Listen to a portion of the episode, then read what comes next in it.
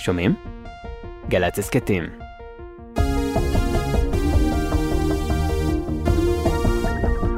בגלי צה"ל, יורם רותם. עם בוא שיר עברי. הבית של החיילים, גלי צה"ל. בוקר טוב ושבת שלום לכם, כאן באולפן גלי צה"ל, הטכנאי יואב מנדלוביץ' ואני יורם רותם.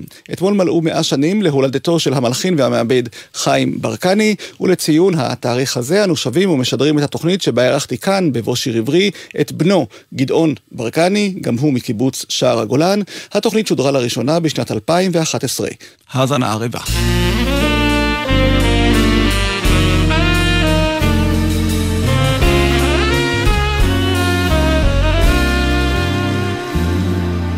איני יודע איך הומים היערות, איך מתכסים גגות בשלג המרהיב.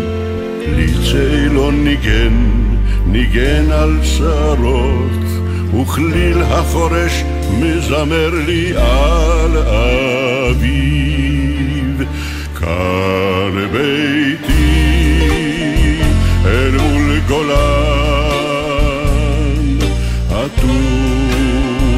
מטה וחרם, כי אני נולדתי כאן עם עץ הצלון על דשא הגנון. השקענו יחד, הירמוך עכור הזרם, כפרי הדומים שניערתי משזף. ממטרות תחתן סובבתי בשרב, כציפורים שהעירוני בקולן, כאן ביתי אל מול גולן, אל מול גולן ביתי.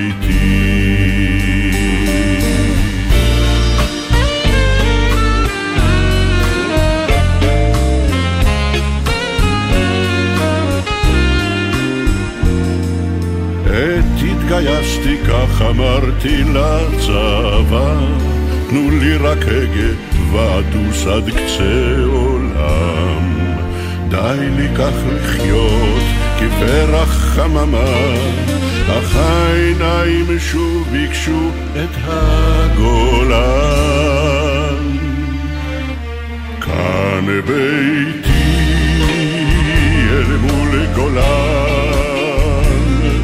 עטור מטה וחרם, כי אני נולדתי כאן עם עץ הצילון על דשא הגנון, השקענו יחד הירמוך עכור הזרם, כפרי הדומים שניערתי משזר.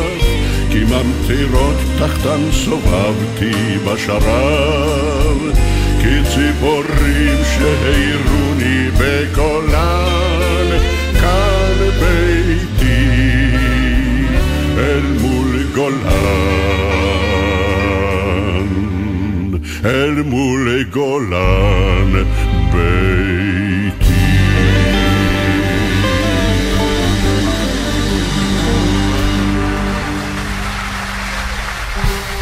ביתי אל מול גולן, שיר שהפך כבר מזמן לסמל, והקול הוא קולו של שמעון ישראלי כמובן. מחברי השיר הם יוסף נצר וחיים ברקני, שני חברי קיבוץ שער הגולן, זיכרונם לברכה. שלום גדעון. שלום, שלום.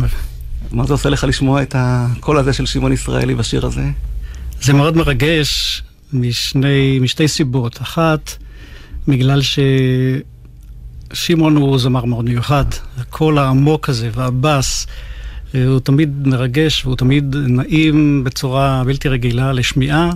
והסיבה השנייה היא באמת שנפל בחלקו של שמעון להיות אחד מהזמרים הראשונים, המבצעים הראשונים של השיר הזה, מבין, כיום יש כבר נדמה לי קרוב ל-40 או אולי 40 ביצועים שונים, והוא היה באמת ככה הביצוע שגם בעיניי וגם בעיקר בעיני אבא מצא חן, והוא אהב מאוד את הביצוע הזה.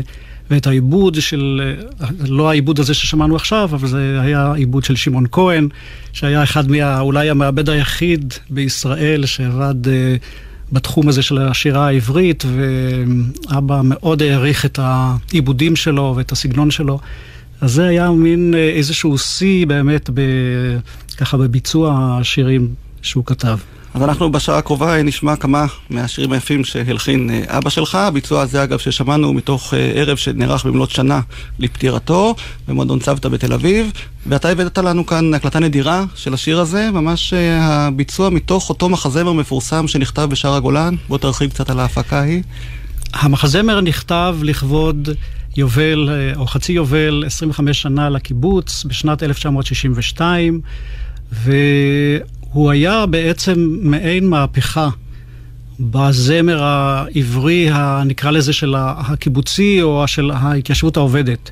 כי באמת אה, אבא... הוא גם סיפר על זה אחר כך. בעצם, אה, יחד עם יוסף נצר, הם החליטו לכתוב מחזה שיהיה בסגנון של המחזמרים, המיוזיקלס המיוחדים האמריקאים.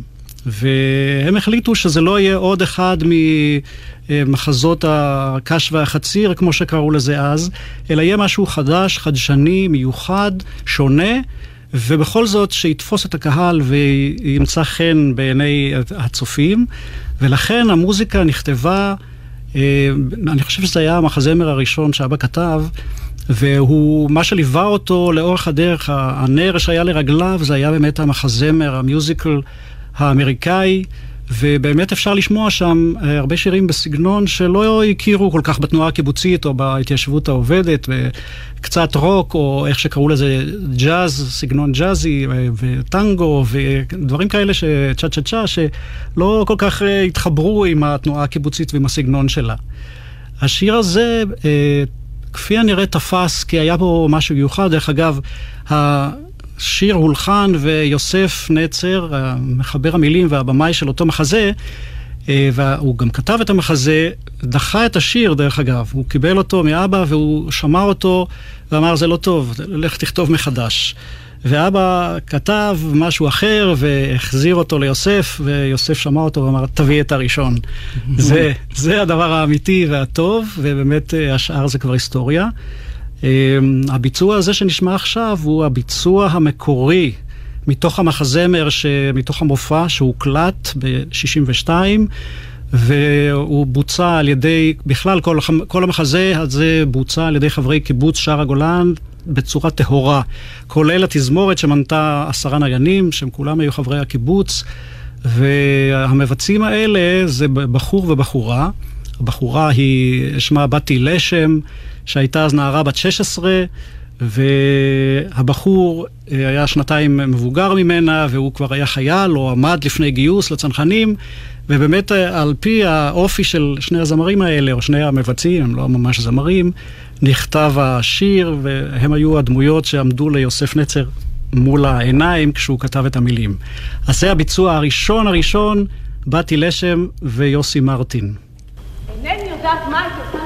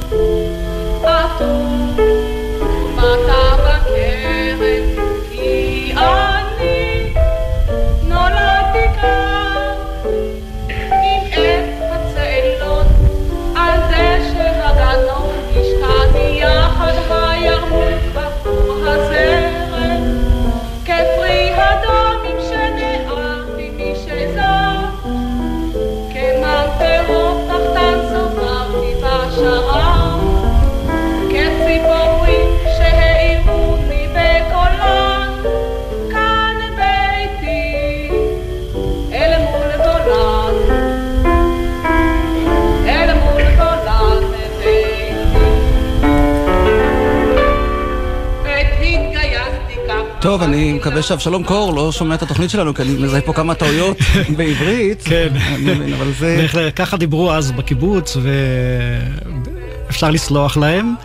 וחוץ מזה היה מומנט של התרגשות ושל אה, בכורה. וכמובן מיותר לצי... לציין שאבא הוא זה שמלווה בפסנתר את, ה...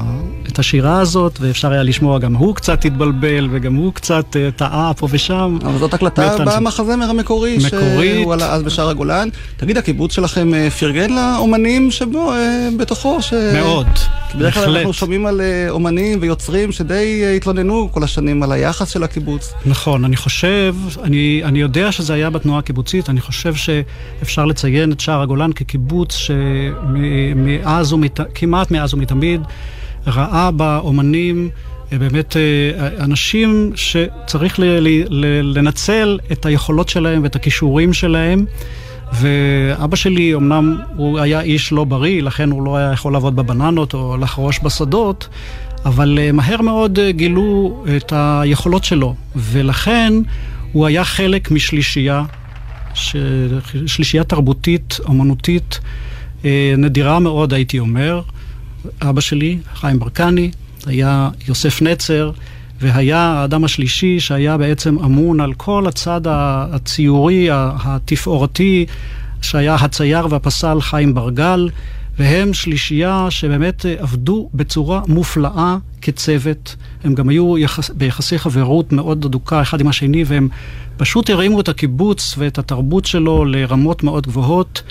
ובעצם הבינו בקיבוץ שיש פה אה, ביצי זהב, נקרא לזה ככה, שכדאי לשמור עליהם ולטפח אותם. ו- ונתנו להם כר, באמת כר פעולה מאוד רחב, שאפשר להם לעשות את מה שהם עשו בצורה אה, מקסימלית, ובאמת אה, אה, זה נתן תוצאות ופירות אה, באמת ברמות מאוד גבוהות. סיפרת לי לפני שנכנסנו כאן לשידור, שאתה והבן של יוסף נצר חיברתם שיר המשך לביתי אל מול גולן. מתי כן. זה היה? זה היה לפני ארבע שנים, אה, לכבוד אה, חג ה-70 של הקיבוץ. הייתה ישיבה, פגישה כזאת של צוות שהיה אמור לתכנן את החג, ופתאום ישבתי על יד דוד נצר, שהוא בנו של יוסף נצר, ואז אמרתי לו, שמע, אולי בוא נכתוב משהו, איזה שיר ככה שיהיה המשך לצמד אה, נצר וברקני, והוא קיבל את הרעיון בהתלהבות וכתב מילים, ושלח לי, ואני עם הרבה לבטים והרבה uh, מאמצים uh, כתבתי את הלחן, שהוא בעצם קצת בנוי על ה, באמת על המוטיבים של ביתי אל מול גולן, כי חשבתי שזה יהיה נכון שזה יהיה שיר המשך. השיר נקרא הבית שאל מול ההר, והפזמון אומר, הבית שאל מול ההר עודנו כאן, עטור בשפע ירק מטעיו, וילדים של ילדים משחקים בגן, וצאלון גונח בשרב. הדרך הישרה אולי עשתה פנייה, הציפורים אולי שונות קצת בקולן, אבל כל יום נמשכת מלאכת הבריאה בבית שאל מול ההר שכאן. הנה, גדעון ברקני ממשיך את השושלת המוזיקלית של המשפחה, וגם הבת שלך, מאיה, נכון. שרה, ותכף נשמע אותה. אבל לפני כן, בוא, אה, אני רוצה להפתיע אותך בהקלטה של אביך, חיים ברקני, שב-1989 התראיין כאן לגלי צה"ל, לסדרת אה, פינות שערכה איתו עמליה רוזן, אה, העורכת המוזיקלית הוותיקה, והיא שאלה אותו כל מיני שאלות על הדרך שבה הוא הלחין והסיפורים שמאחורי השירים. אז יש לי כאן הקלטה מאותה תוכנית, מעל ומתחת לשמיכה, בואו תשמע. קודם כל, אני קורא לעצמי לא מלחין, אלא מתרגם. אני מאוד אוהב לתרגם את שפת ה... השירה למוזיקה. קודם כל זה נותן לי השראה. שנית, אה, אני מנסה ליצור קשר, קשר אה, הדוק מאוד בין המילה ובין הצליל. לכן בדרך כלל אני כותב להזמנה, כלומר אני מקבל טקסט, כמו שזה קרה בעבר כמה, כמה וכמה פעמים עם חווה אלברשטיין שהייתה אה, מודיעה לי בטלפון שאפתח ספר שירה כזה וכזה בעמוד כזה וכזה, mm-hmm. אנסה להלחין. זאת בדרך כלל הדרך שבה אני מלחין. ב', אני כותב uh, שירים בדרך כלל קשורים לאירועים גדולים. אז uh, הם פשוט מקומיים. למשל, בששת הימים כן. ישבתי אה, בעמדה, באחת העמדות שלנו. בלילה הגיע אה, רץ נער מעמדה אחרת ומסר לי פתק מתרצה ברגל, חברת שרה גולן, עם שיר, שיר מאוד מאוד יפה, שיר ארז במקלט. אצלנו, גם אחרי ששת הימים, כמעט שנתיים ילדים uh, ישנו במקלטים בגלל ההפגזות של uh, תקופת ההתשה. ואני מאוד התרשמתי באותו לילה, לאור הפנס, כשישבתי בעמדה, מאוד התרשמתי מהשיר, וברגע שהתפניתי מהשמירה, כתבתי משהו, ועם גמר המלחמה רצתי לתל אביב, נפגשתי עם וילנסקי, מסרתי לו את השיר, ומיד באותו, כי נדמה לי שבאותו יום הוא הזמין את יפה ירקוני והם הקליטו את זה. כן, זה קולו של אבא שלך, ואנחנו לא נשמע את יפה ירקוני, אלא את הבת שלך, מאיה ברקני, מתוך uh, אותו מופע שנערך uh, במלאת uh, שנה לפטירתו של סבא שלה.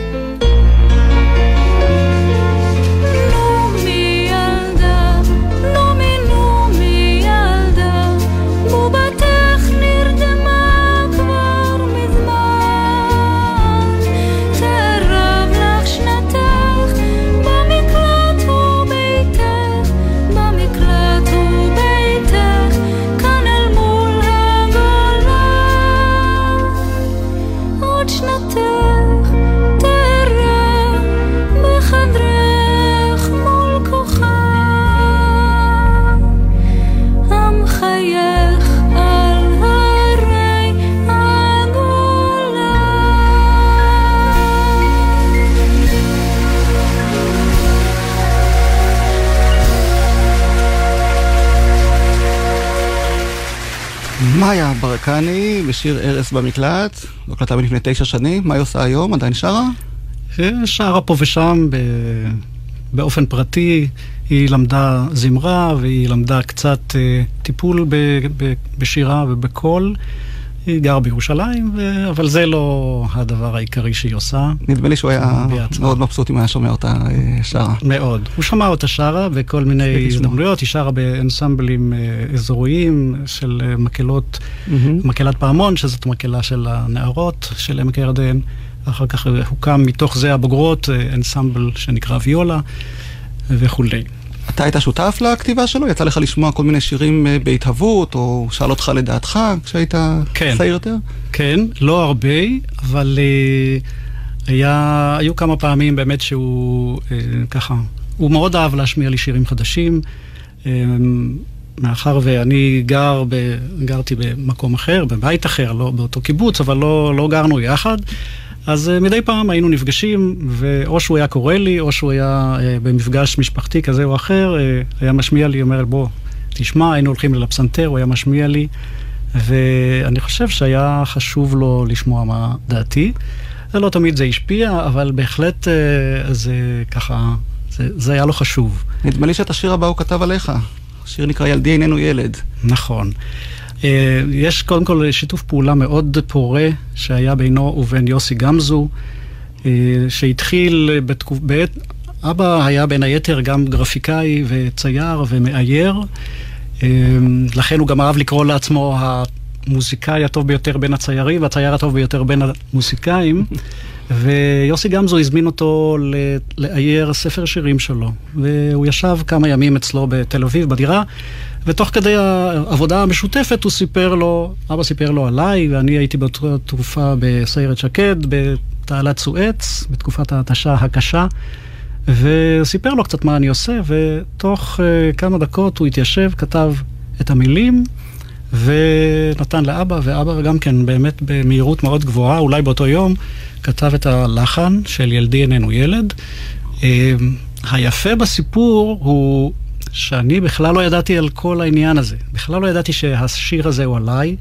אחר כך השיר uh, התקבל ל-12 הנבחרים בפסטיבל הזמר, עוד היו פעם פסטיבלי זמר, והוצג שם, הושמע על ידי חווה אלברשטיין באמת, ואני הייתי, באתי מהצבא, מתעלת סואץ, להיות אה, שותף למופע הזה בהיכל התרבות, ולא ידעתי, הרבה שנים, אני מוכרח להגיד, הרבה שנים לא ידעתי, אה, אף אחד לא סיפר לי, כולל אבא, אה, לא, אבל מתישהו העניין עלה. באיזושהי שיחה, ואז הוא סיפר שבעצם זה עליך, הוא אמר לי, יוסי גמזו ועם כל הסיפור. וזה כמובן ריגש אותי מאוד, ומעבר לזה שאהבתי את השיר, פתאום הוא קיבל איזשהו מימד נוסף. אז בואו נשמע את הביצוע של בן ארצי, מתוך המופע שנערך אה, לזכרו של חיים ברקני במלאת שנה לפטירתו.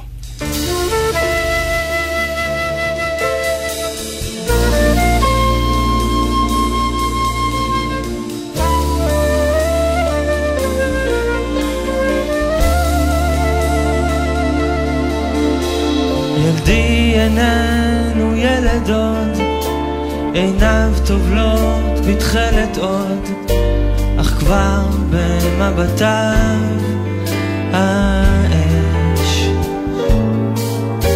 הוא שב אליי אחר כל כך, שותק אבל זוכר כל כך, מילים קצרות כמו קרב וכמו מוקש. ילדי איננו ילד עוד, איננו ילד. ידיו של אש, ימינו אלה. כן, הוא שב אחר כל כך, שותק אבל זוכר כל כך, מילים קצרות כמו קרב וכמו מוקש.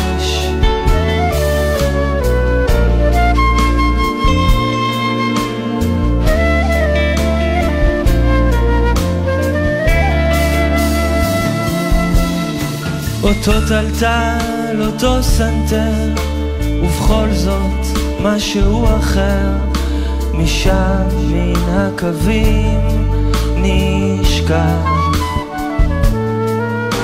הוא שב אליי עם חול נודד, אבל את ילדותו איבד אי שם במוצבים ובמרדף.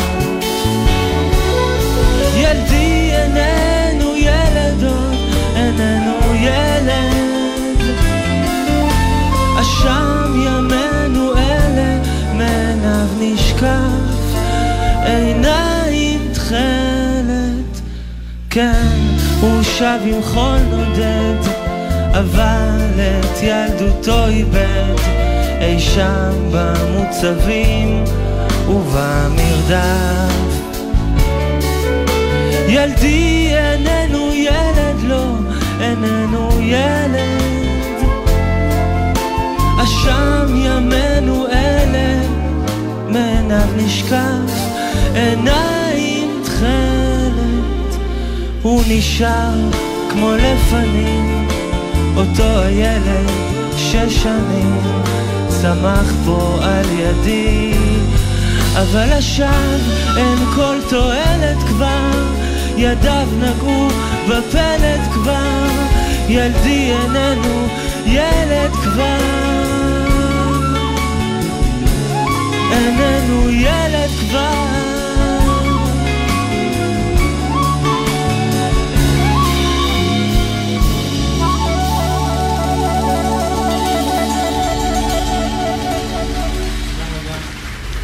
בן ארצי, ילדי איננו ילד, וכל העיבודים לשירים מתוך אותו מופע הם של עוזי אסנר, והשיר הזה בעצם התחיל את שיתוף הפעולה של אה, אבא שלך, חיים ברקני, עם חווה אלברשטיין, שיתוף פעולה שנמשך לאורך אה, כמה שנים והניב אה, שירים יפים במיוחד. נכון, בהחלט היה שיתוף פעולה מזהיר. כמו השיתוף, אותו שיתוף פעולה שהיה לו עם יוסי גמזו, שהניב נדמה לי עשרה או 12 שירים, ש... בחלקם אה, בוצעו על ידי חווה אלברשטיין. אה, היה, היה שיתוף פעולה, אה, מאחר ואני הייתי, לא הייתי שותף למערכת היחסים הזאת ולקשר שנוצר ביניהם, אז אני לא יכול לספר בדיוק אה, איך זה נוצר ומה היה שם.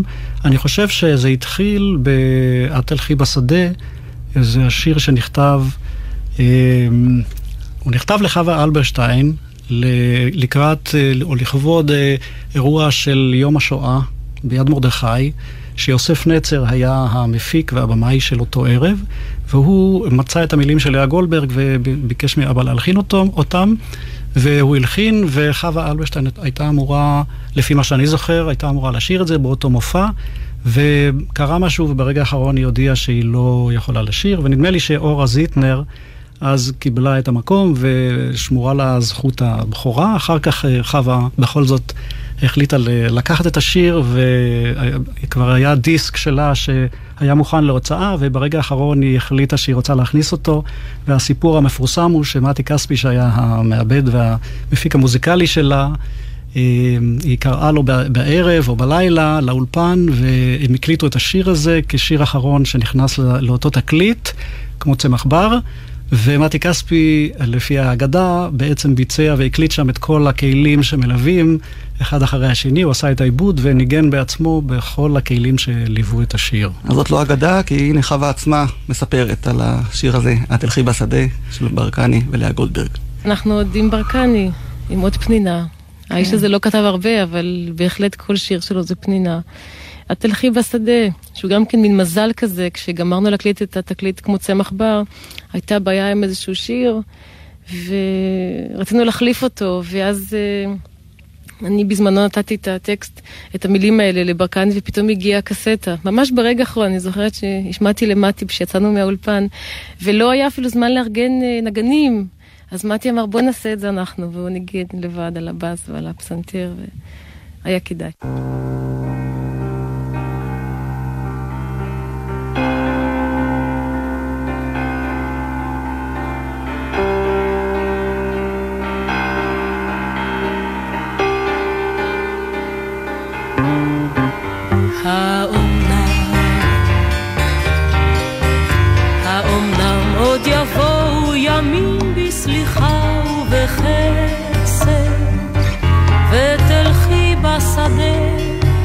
ותלכי בו כהלך הטל ומחשוף ומחשוף כף רגלך ילטף בעלי האספסת. או שלפי שיבולים ידקרוך ותמתק דקירתה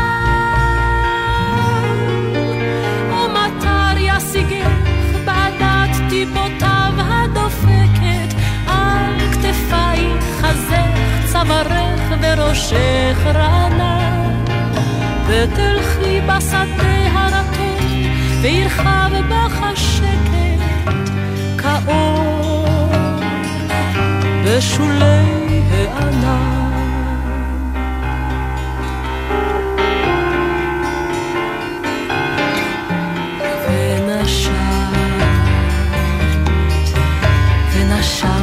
ריחו של התלם נשום ורגוע, וראית את השמש בראי השלולית הזהור.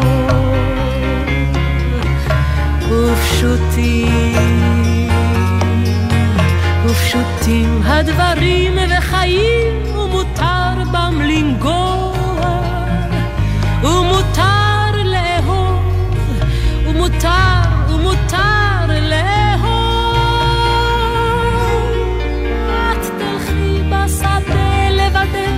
לא נצרבת בלהט השרפות, בדרכים שסמרו מאימה ומדם, וביושר לבב שוב תהי ענווה ונכנעת, כאחד הדשאים, כאחד האדם. את תלכי בשדה לבדך, לא נצרבת בלהט השרפות בדרכים שסמרו מאימה ומדם, וביושר לבב שוב תהי ענווה ונכנעת, כאחד הדשאים, כאחד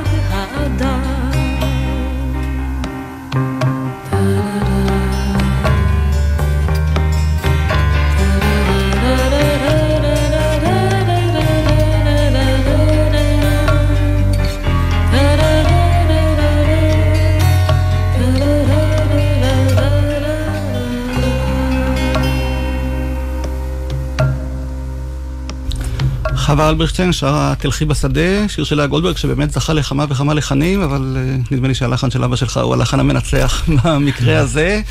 וחווה גם הזכירה בדברים שהיא אמרה לי לפני שנים ושידרתי כאן עכשיו, שחיים ברקני לא כתב הרבה, אבל כל שיר שהוא כתב כמעט היה פנינה. הוא באמת לא כתב כל כך הרבה, או שפשוט לא יצא לו לזכות שזמרים כמו חווה יקליטו את שיריו? אני לא יודע מה זה נקרא הרבה, זה מושג יחסי. הוא כתב כ-250 שירים, לחנים. אה, שונים. אה, האמת היא שהוא גם מספר באותו ראיון עם עליזה רוזן, שרוב החומר שהוא כתב היה עבור מחזות זמר וכל מיני הצגות של יישובים, שהתחיל אולי לאור ההצלחה של ביתי מול גולן בשער הגולן, אבל אחרי זה באמת, אני חושב שזה גם משהו שהוא מאוד אהב, לכתוב אה, מנגינות ושירים במחזות זמר. אה, זאת אחת הסיבות לדעתי שבאמת אה, רוב השירים נשארו שם, באותם יישובים ובאותם מחזות אה, מיוחדים, ולא יצאו, לא התפרסמו. אני חושב שאם היה לו איזשהו מפיק, או אם הוא היה קצת יותר קרוב למרכז, מה שנקרא, ולא בפריפריה, אני חושב שהייתה לו הצלחה יותר גדולה. אה, אני מאוד אוהב הרבה מאוד מהשירים שלו שלא התפרסמו ונשארו שם איפשהו אה, באותם המחזות, אבל המנגינות שלו תמיד באמת היו נפלאות ומאוד אה, מיוחדות. אני יכול לציין אולי, אפשר לשמוע בסגנון של השירים שלו, א', את הפולניות, את ה... אני לא רוצה להגיד גלותיות, אבל את, ה, את הרוח שנושבת מאיפשהו שם באירופה, המושלגת והרחוקה. וזה זה משהו מאוד מיוחד, זה לא ישראלי רגיל צברי. כן, מלודיות כן. בכלל אפינו את המלחינים שהגיעו לארץ מפולין, החל ממשה וילנסקי, אה, דרכו כמובן, ודרך דור צעיר יותר, כמו צביקה פיק, אפרים שמיר. נכון. אלונה לארצ'יק אפילו, נכון. זאת אומרת, הם חבר'ה שכותבים אה, מוזיקאים ואני חושב שמאפיין מיוחד נוסף זה שהיה היה טיפוס, אה, אני לא יודע אם להגיד עצוב, אבל עצור מאוד וסגור. ואומנם הוא אהב לספר בדיחות, אבל, והוא היה מאייר וקריקטוריסט, אבל בסך הכל במלודיות שלו ובמנגינות שלו אפשר לשמוע איזושהי עצבות שמלווה אה, הרבה מאוד מהשירים, למרות שיש לו הרבה שירים שהם אה, קצביים ועליזים ושמחים, אבל הרוב הם באמת, אה, יש להם איזושהי מלודיה אה, עם עגמומיות מסוימת או איזושהי עצבות. אז בואו נשמע אותו מספר על אה, לידתו של עוד שיר אחד מהסוג העצוב, אבל היפה והקסום ביותר, החיטה צומחת שוב, שהוא הלחין למילותיה של אה, דורית צמרת מבית השיטה, וכך הוא סיפר על לידתו של השיר הזה. עם בית השיטה היה לי קשר מיוחד. אני הכרתי ועבדתי עם יוסי שריג, והוא היה לי יקר מאוד כמוזיקאי, כחבר טוב, אנחנו עבדנו יחד על היובל של עין חרוץ, שאז, לפני קצת כמה שנים לפני זה עשיתי, והוא נפל ביום כיפור. מאוד כאבתי את זה, וגם אה, אה, ערכתי ערב אחד, אה, ערב מוזיקלי לזכרו בבית השיטה. אבל מאז ניתק הקשר עם הקיבוץ. ויום אחד קיבלתי מכתב מנעמי שמר, שבו היא מציעה לי להתמודד עם טקסט אה, שהיא קיבלה להלחנה מקיבוץ בית השיטה לקראת אה, יובל החמישים שלהם, והיא כותבת במכתב שקשה לה מאוד רגשית להתמודד עם הנושא. ומציע לי לנסות. אני אה, ראיתי בזה קודם כל כבוד גדול מצידה שהיא פונה אליי, שעד כדי כך יש לה אימון לקו המלודי שלי. ושנית, אה, הרגשתי שיש לי פשוט, אה, אה, אני סוחב איתי חוב שאני חייב ליוסי שריד. מוחלט לציין שזה במיוחד היה לי חשוב מכיוון שבית השיטה, הקיבוץ שקל 11 בנים באותה מלחמה. והיה לי חשוב מאוד לתרום לו במעט לכבוד הזה שרוחשים לנופלים שלהם. כאבתי את השיר שבועיים עד שהתחלתי לכתוב, מוכרח להגיד. היה לי קשה מאוד, וזאתי התוצאה. שדות שפוכים הרחק, מאופק ועד סף, וחרובים וזית וגלבוע, ואל ארבו העמק נאסף, ביופי שעוד לא היה. זה לא אותו העמק, זה לא אותו הבית, אתם אינכם ולא תוכלו לשוב. השבילים השדרה ובשמיים היית, אך החיטה צומחת שוב. השבילים השדרה ובשמיים היית, אך החיטה צומחת שוב. מן העפר המר העיריות עולות, ועל הדשא ילד וכלבו. מואר החדר ויורדים לילות על מה שבו ומה שבליבו. זה לא אותו העמק, זה לא אותו הבית, אתם אינכם ולא תוכלו לשוב. השבילים השדרה ובשמיים היית, אך החיטה צומחת שוב. השבילים השדרה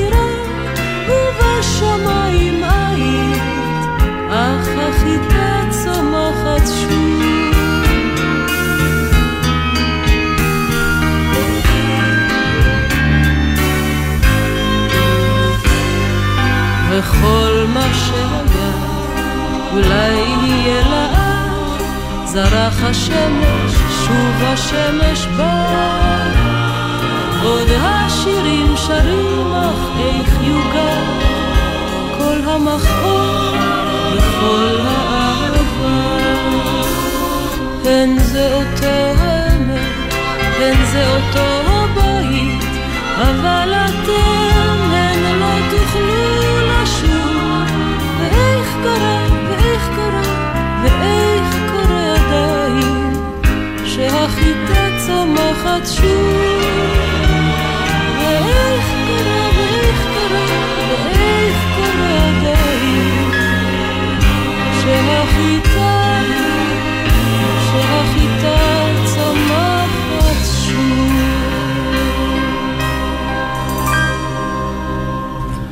החיטה צומחת שוב, אה, שיר אה, משנות ה-80, ובאותן שנים הוא גם התחיל אה, לעבוד עם הבחורים מאפיקים. הרכב שקם בעמק, ואתה היית אחד מחבריו.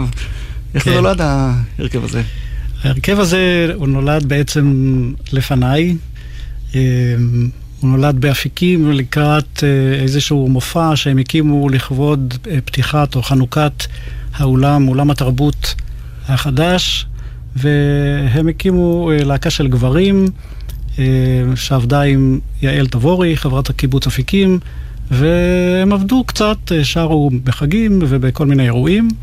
ובהזדמנות מסוימת אה, שיצא לי לעבוד עם, אה, גם עם נדב בר-ניב מאפיקים ועם אמוץ ברונטמן, ברונטמן שהוא היה גם החבר וגם הרוח החיה של הלהקה.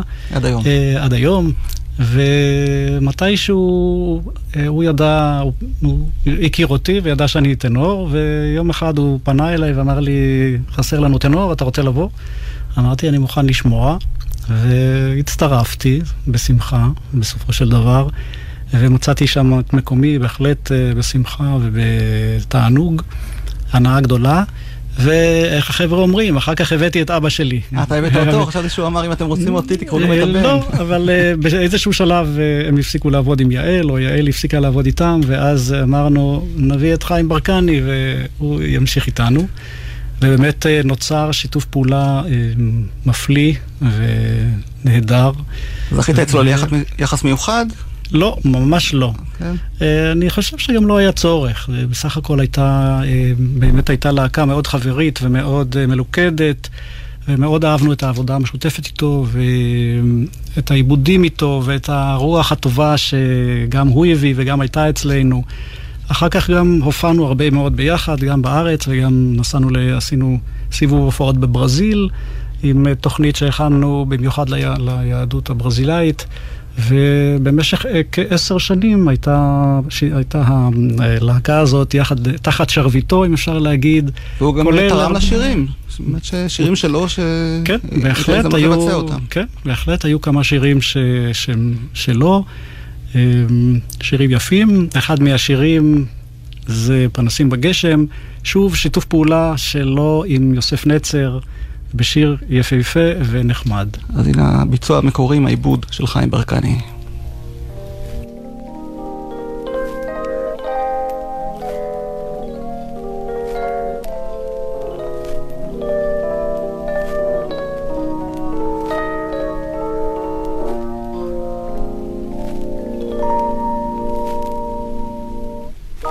סתיו ברחובות, פנס חיוור דולק בחדר קר, הערב אין לו סוף. על המדף הטלפון שותק, על השמשות הגשם את דופק. כך מספרים שירים על סתיו לרוב, אבל הבית לרחוב.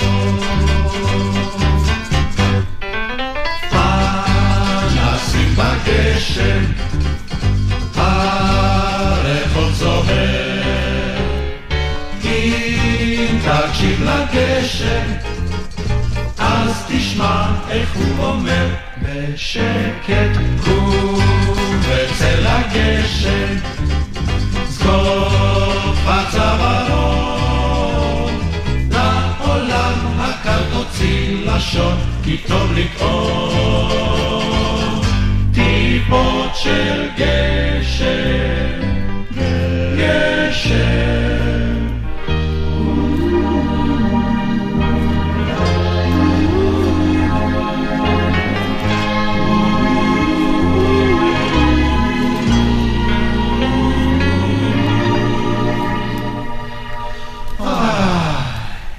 ביום אביב פיתח הגן סמדר וכל הקיץ את הלב סחרר. אתה בסתיו פרי אחרון נשר, וכל מכתב בלי מענה נותר. כך על הסתיו כותב המשורר, אך יש גם סתיו אחר. פנסים בגשם, הרחוב זוהר. תקשיב לגשם, אז תשמע איך הוא אומר בשקט, ובצל הגשם, צחוף הצווארון, לעולם הקר תוציא לשון, כי טוב לטעון,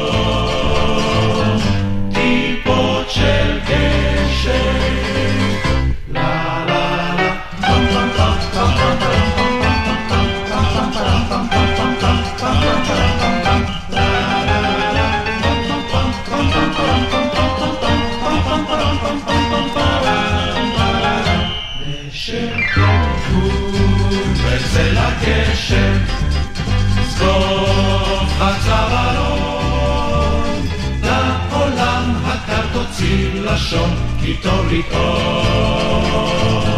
טיפות של גשם, גשם, גשם. פנסים בגשם, הבחורים מאפיקים ליד הפסנתר חיים ברקני, וזה מזכיר לי בעצם את תחילת הדרך שלו בתחום הג'אז. הוא בעצם uh, סיפר שהוא התחיל כמוזיקאי ג'אז, נדמה לי שהוא אפילו ליווה את הסרטים האילמים בלודג' בפולין עם הפסנתר. נכון. זה בעצם היה האהבה הראשונה או האהבה המתמשכת שלו? זה, זאת האהבה הראשונה. אה, הוא בכלל נולד אה, למשפחה מוזיקלית שהיו בה גם מוזיקה וגם ציור. ומשם בעצם באו שני הערוצים האלה אליו. בגיל שש הוא נלקח על ידי הוריו, הם, הם שמו לב, אבא שלו היה פסנתרן ומוזיקאי גם, והוא שם לב שיש לו כישרון, והם החליטו לקחת אותו לאיזה פרופסור למוזיקה שיבחן אותו, והוא בעצמו מספר בספר דואוגרפיה שהוא הוציא אחר כך עם אימא, הוא מספר שהוא, אחרי שהוא עבר את הבחינה, הם ביקשו ממנו לחכות בפינה או בצד, והוא ישב, הוא לא שמע כל כך, הם התלחשו ביניהם, אבל uh, הוא שמע את המילים uh, גאון ומוצרט הקטן. זאת אומרת, uh, הוא כבר מגיל מאוד צעיר באמת התגלה ככישרון uh, מאוד מיוחד. ו... אבל הוא לא אהב את הלימודים, הוא לא אהב את הצד הממוסד של העניין. והוא נטע מאוד למוזיקה של האלתורים, של הג'אז באמת, וזה נשאר איתו בעצם עד הסוף. וגם את הנגינה עצמה, את האלתור ואת הסגנון הקל, ולכן הוא לא נטע בכלל למוזיקה קלאסית. הוא אהב לשמוע, אבל לא, שום דבר ביצירות שלו לא היה אה, סממן קלאסי, אלא הכל בכיוון של, הכיוון העממי, הישראלי, כשהוא הגיע לארץ. והג'אזי המיוחד. ונדמה לי שהוא התחתן עם אימא שלך בדרך אה, לארץ, נכון, אחרי המלחמה, והם הגיעו לקפריסין, למחנה העקורים שם, ופתאום הוא נעלם לה יום אחד. כן, זה... אימא מספרת שאחרי החתונה, אה, הוא פתאום נעלם והיא לא ידעה איפה הוא. אה, פעם היה מושג שנקרא, אה, הלך לסגור את התריסים. לגברים שנעלמו מהבית ככה באמצע הלילה, והיא לא ידעה, לא שהיא חששה ש... או חשדה שהוא בוגד בו, אבל הייתה זאת, אה, בסופו של דבר הוא חזר והוא סיפר לה שהגיע פסנתר חדש למחנה שם בקפריסין, והוא פשוט, איכשהו זה הגיע לידיעתו, והוא פשוט הלך לשם. התיישב ולא שם לב שהזמן עובר, אה, כמובן אה, התמוגג מהנגינה. ככה, הזמן עבר ועד אה, ככה, שעות הלילה המאוחרות הוא ישב וניגן. באמת אפשר להגיד, זאת הייתה אהבתו המאוד גדולה. לשבת על הפסנתר, לנגן, ללוות, אה, לאלתר. איפה שבאמת, גם באירועים משפחתיים, איפה שהוא מצא פסנתר, הוא היה ישר מתיישב אה, עם השירים ועם האלתורים בצורה מופלאה. אז בוא נשמע את מאיר אריאל בשיר שאולי לא רבים יודעים, שאבא שלך הוא זה שהלחין אותו. השיר נקרא אה, ליל אהבה עם אזרחים, מהתקליטון הראשון של מאיר אריאל, שיצא אחרי מלחמת ששת הימים, 1967. המילים שלו, של מאיר אריאל, שנכתבו לכבוד איזשהו מחזה אחרי מלחמת ששת הימים. בבית הכרם, רחוב מוגף, את פנסיו כולם קיבה, אך השכונה הגישה את ליבה. עם המשקה והכריכים בשעות הטרם. בכל חדרי המדרגות בתוך החושך פינינו אהבה כולה של וידויים. וכל הלבבות היו גלויים. אל טס עם פירורי עוגות עשוי נחושת. ליל אהבה עם אזרחים, ליל אהבה בבית הכרם.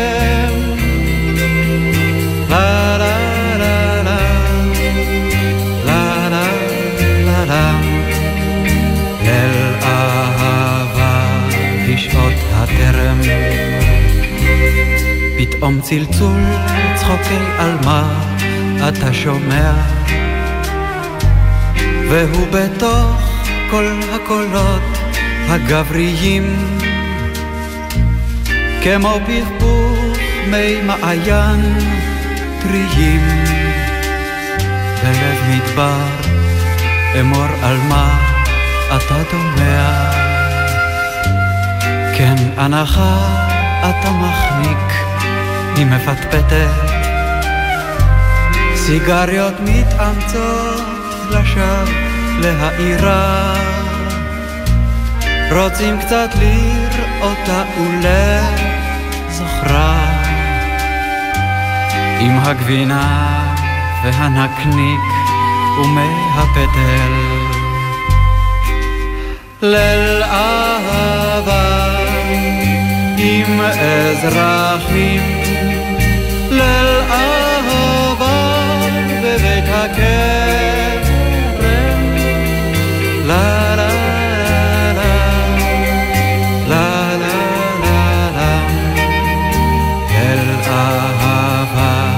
בשעות הטרם. מאיר אריאל, ליל אהבה עם אזרחים, לחן ועיבוד חיים ברקני. גדעון, אנחנו ככה מתקרבים בלי להרגיש של סוף השעה הזאת, והייתי מציע שנסיים אותה עם כמה מילים שאמר, שוב, אבא שלך כאן בריאיון שלו לגלי צה"ל, 1989, שאלה אותו מליה רוזן, ממה אתה מציע שנסיים את התוכנית, וזה מה שהוא אמר. נסיים מאותו התקליט, מאותה, מאותו מחזמר, בפינת העמק הקטנה. אה, ואני בחרתי את זה, אה, את השיר הזה, גם בגלל המבנה של השיר. כי זה בפעם היחידה שאני ממש התעקשתי וביקשתי לסיים את המחזמר לא בהוא-הא, אלא בסגירה קטנה קטנה עד המינימום של סולן אחד עם מינימום ספוט אחד על הפנים שלה. זה כמו, כמו אגדה שעליה מספר השיר, שהיא נעלמת, כמו שהשירים המושמעים ברדיו, בתקליט, ברגע שנגמרים הם נעלמים עד השמיעה הבאה. ולכן אה, בזה רציתי לגמור את, את הפינה. טוב, אז גם אנחנו נסיים בשיר הזה את התוכנית, ואני מאוד מודה לך שהגעת אלינו היום משער הגולן. תודה רבה גם לרע בר, טכנאי השידור, אני יורם רותם, ואני מקווה שהשירים של חיים ברקני ימשיכו להתנגן ולהזכיר לנו את המלחין הנהדר והאיש הנפלא הזה, שבאמת השאיר לנו הרבה הרבה פנינים. תודה רבה גם לך, נהניתי מאוד, ואני מודה לך. התוכנית שודרה לראשונה בשנת 2011 והיא שודרה כעת שוב לציון 100 שנים להולדתו של המלחין והמעבד חיים ברקני, זיכרונו לברכה. כל בוקר, עוד לפני זריחת השמש, כשקרן אור ראשון על הכרמל, זו השעה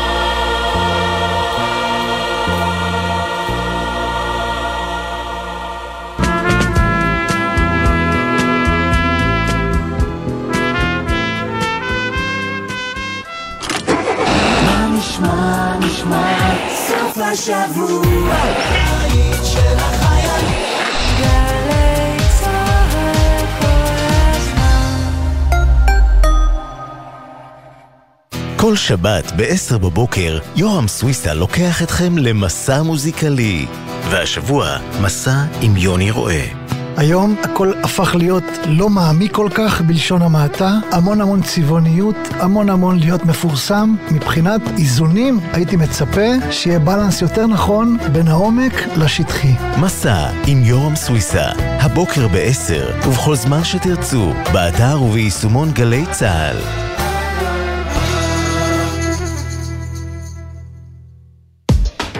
מיד אחרי החדשות, נורית קנטי.